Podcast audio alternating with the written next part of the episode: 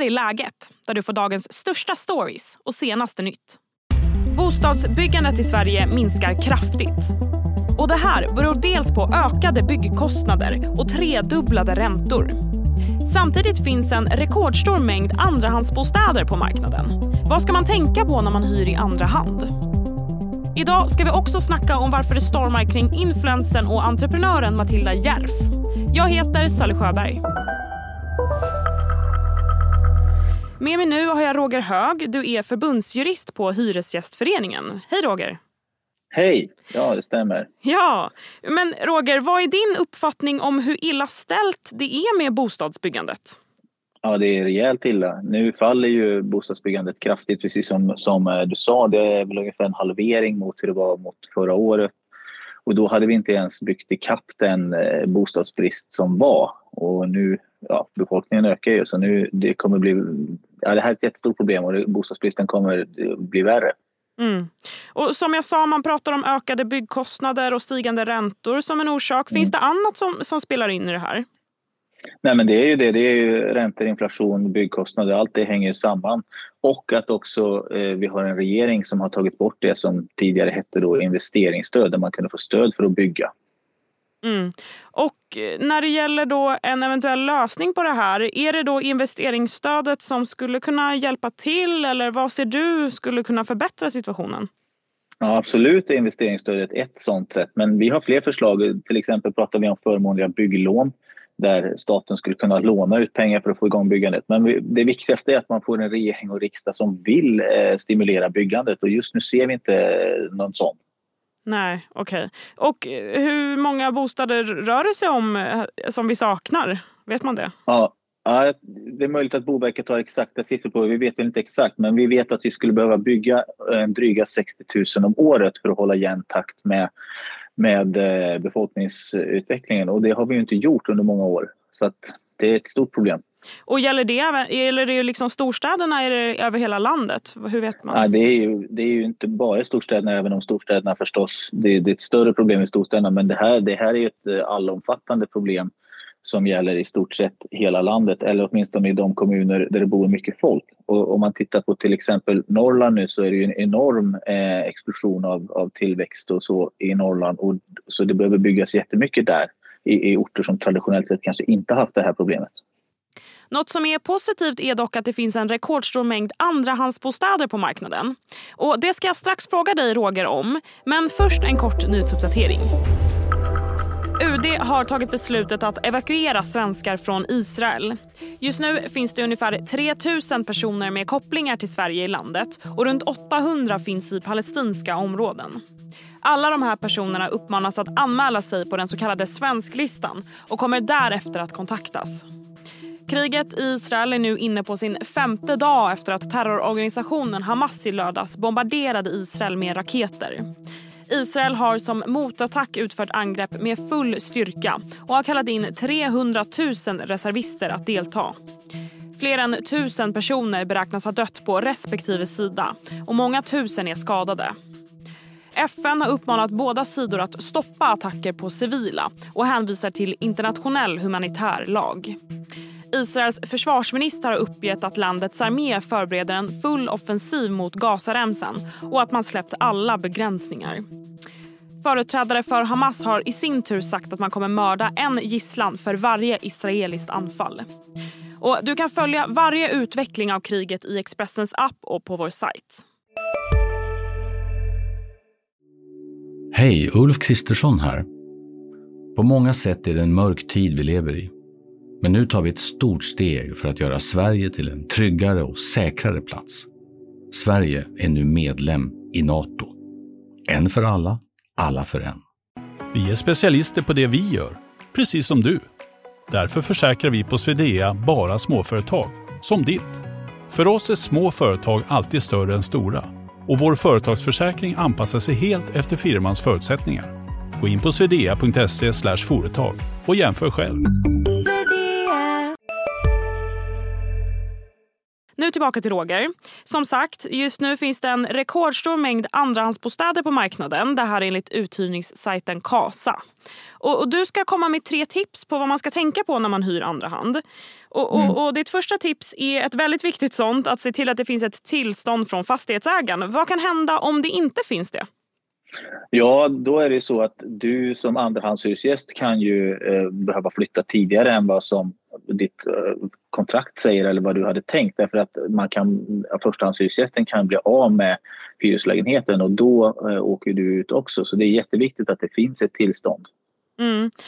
Vem är, liksom, är mest illa ute där? Är det den som hyr eller är det den som har olagligt hyrt ut? Liksom, vem... Ja, det är nog lite både och skulle jag säga. Mm. Det, det, det beror ju också på hur man har hyrt ut och så. Eh, men men man, den som har hyrt ut i andra hand har ju förhoppningsvis någon annanstans att bo just nu. Det kanske inte du som andrahandshyresgäst har, så du, du hamnar, kan ju hamna riktigt illa. Mm. Och ditt andra tips är att man ska ha ett skriftligt avtal med den man hyr av. Man brukar ibland säga att man kan ha ett muntligt avtal och att det gäller, men, men är det viktigt att det finns på pränt så att säga? Ja, alltså så här, muntliga avtal gäller. Det svåra blir ju bara lite att bevisa vad det är man har avtalat om om man har ett muntligt avtal. Därför så ska man ha ett skriftligt, för då får man också uppgifter på vem man hyr ifrån, till exempel personnummer eller eh, adress eller vad det nu är och så får man fast eh, eh hyresvillkoren och också hyran. Och det kan vara lite tvistigt ibland. Mm. Därför är det jätteviktigt med ett avtal. Och personnummer nämnde du där, men finns det annat mm. som, ska, som är viktigt att stå med i, i kontraktet då? Ja, men det är förstås viktigt eh, avtalstider. När, hur länge har du tänkt att hyra? Är det tills vidare eller är det tidsbegränsat? Vad är det som, som ni har avtalat om när det gäller elen till exempel eller internettjänsten och framförallt då vilken hyra har ni avtalat om? Mm. Men det, det, kan ju vara lätt, tänker jag, känna, mig, känna sig som hyresgäst då att man blir lite så bortfintad. Um, mm. är, är, det viktigt att all, ska allt eh, stå med? Liksom? Om det inte står med, då är det inte avtalat, eller hur funkar det? Jo, alltså så här, det finns en hyreslag som skyddar hyresgästen och den skyddar även andrahandshyresgästen. Men det är mycket bättre att ha saker nedskrivna i ett, i ett avtal om vad som gäller. En del saker står ju inte i, i hyreslagen, till exempel hur ska ni göra med elräkningen eh, eller då internetkostnaden. Ska den ingå eller ska du betala separat för den? Så därför är det bra att avtala om allt sånt innan. Eh, men det finns ett grundläggande skydd i, i hyreslagen. Mm. Och ditt tredje och sista tips rör betalning och mm. där är det viktigt hur man betalar, eller hur? Ja, jag skulle säga att man aldrig ska betala kontant utan att man ska betala på något sätt alltså så alltså att man kan, kan i efterhand bevisa hur man har betalat. Gärna till bankkonto, Swish kan fungera, det finns andra betalningstjänster men, men det viktiga är att man inte liksom räcker över pengar eh, kontant i något kuvert på någon station eller sådär. För att då kan det bli väldigt komplicerat eh, att bevisa att man har betalt och vad man har betalt. För det är så här, vi vet ju att det förekommer mycket oskäliga andrahandshyror på, på andrahandsmarknaden. Och de kan man kräva tillbaka om det är så att, att eh, förstahandshyresgästen har tagit för mycket i hyra. Men då måste man ju kunna bevisa det. Och sen hänger det också ihop med det här med deposition. Eh, en del tycker att man ska betala deposition och det kan vara rätt. Men då ska man ju veta vem det är man betalar till och det är därför det är så viktigt med det här avtalet och personnumret. Så att man inte för över pengar utan att faktiskt veta vem det är man för över dem till. För då är ofta pengarna borta sen och du får aldrig tag på den här personen igen. Vi har sett jättemånga sådana tråkiga historier. Mm. Men eh, några matnyttiga tips där då från Roger. Tack så mycket för att du var med i Läget. Tack själv. Snart ska vi prata om varför det stormar kring influensen Matilda Järf. Men först blir det fler nyheter. Polisen har tagit 200 kilo sprängmedel i beslag efter en insats i Björklinge norr om Uppsala. Två personer, en man och en kvinna i 35-årsåldern, sitter anhållna. Polisen utreder ärendet som förberedelse till grov allmänfarlig ödeläggelse och grovt narkotikabrott då man även tog narkotika i beslag. Kanske kommer det snart en vändning för de dystra siffrorna i ekonomin. Expressen har talat med en rad ekonomiexperter och bett dem blicka framåt. Och En hel del ljus verkar synas i tunneln där flera expertprognoser siar om en förbättring för svenskars ekonomi. Bland annat nämns förväntad ökning av reallöner, eventuella räntesänkningar redan nästa år, bopriser som återhämtar sig under 2024 och en stabilisering av matpriser. Hej, Synoptik här. Hos oss får du hjälp med att ta hand om din ögonhälsa. Med vår synundersökning kan vi upptäcka både synförändringar och tecken på vanliga ögonsjukdomar. Boka tid på synoptik.se.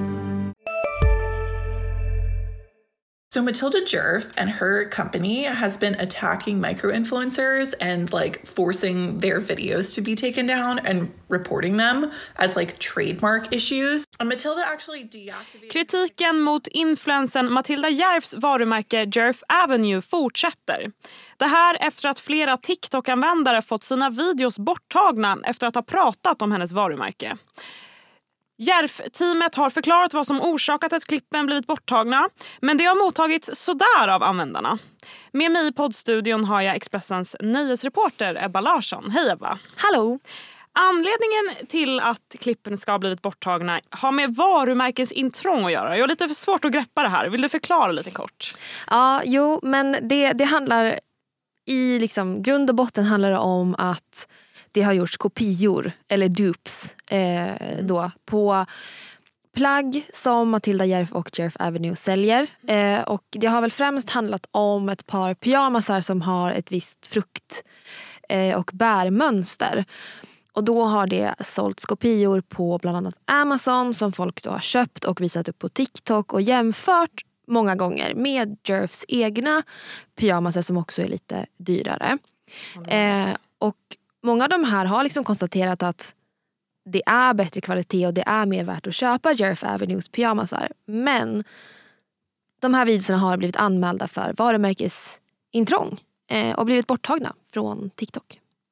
Okej, och Matilda och hennes team då la ut en förklarande text till varför det, det var så att videorna togs bort. Vad, vad är deras förklaring? Men deras förklaring är att de har anlitat ett, eh, en typ av firma som granskar sånt här och kollar sånt här och hjälper dem med att ta bort eh, upphovsrätts och varumärkesintrång.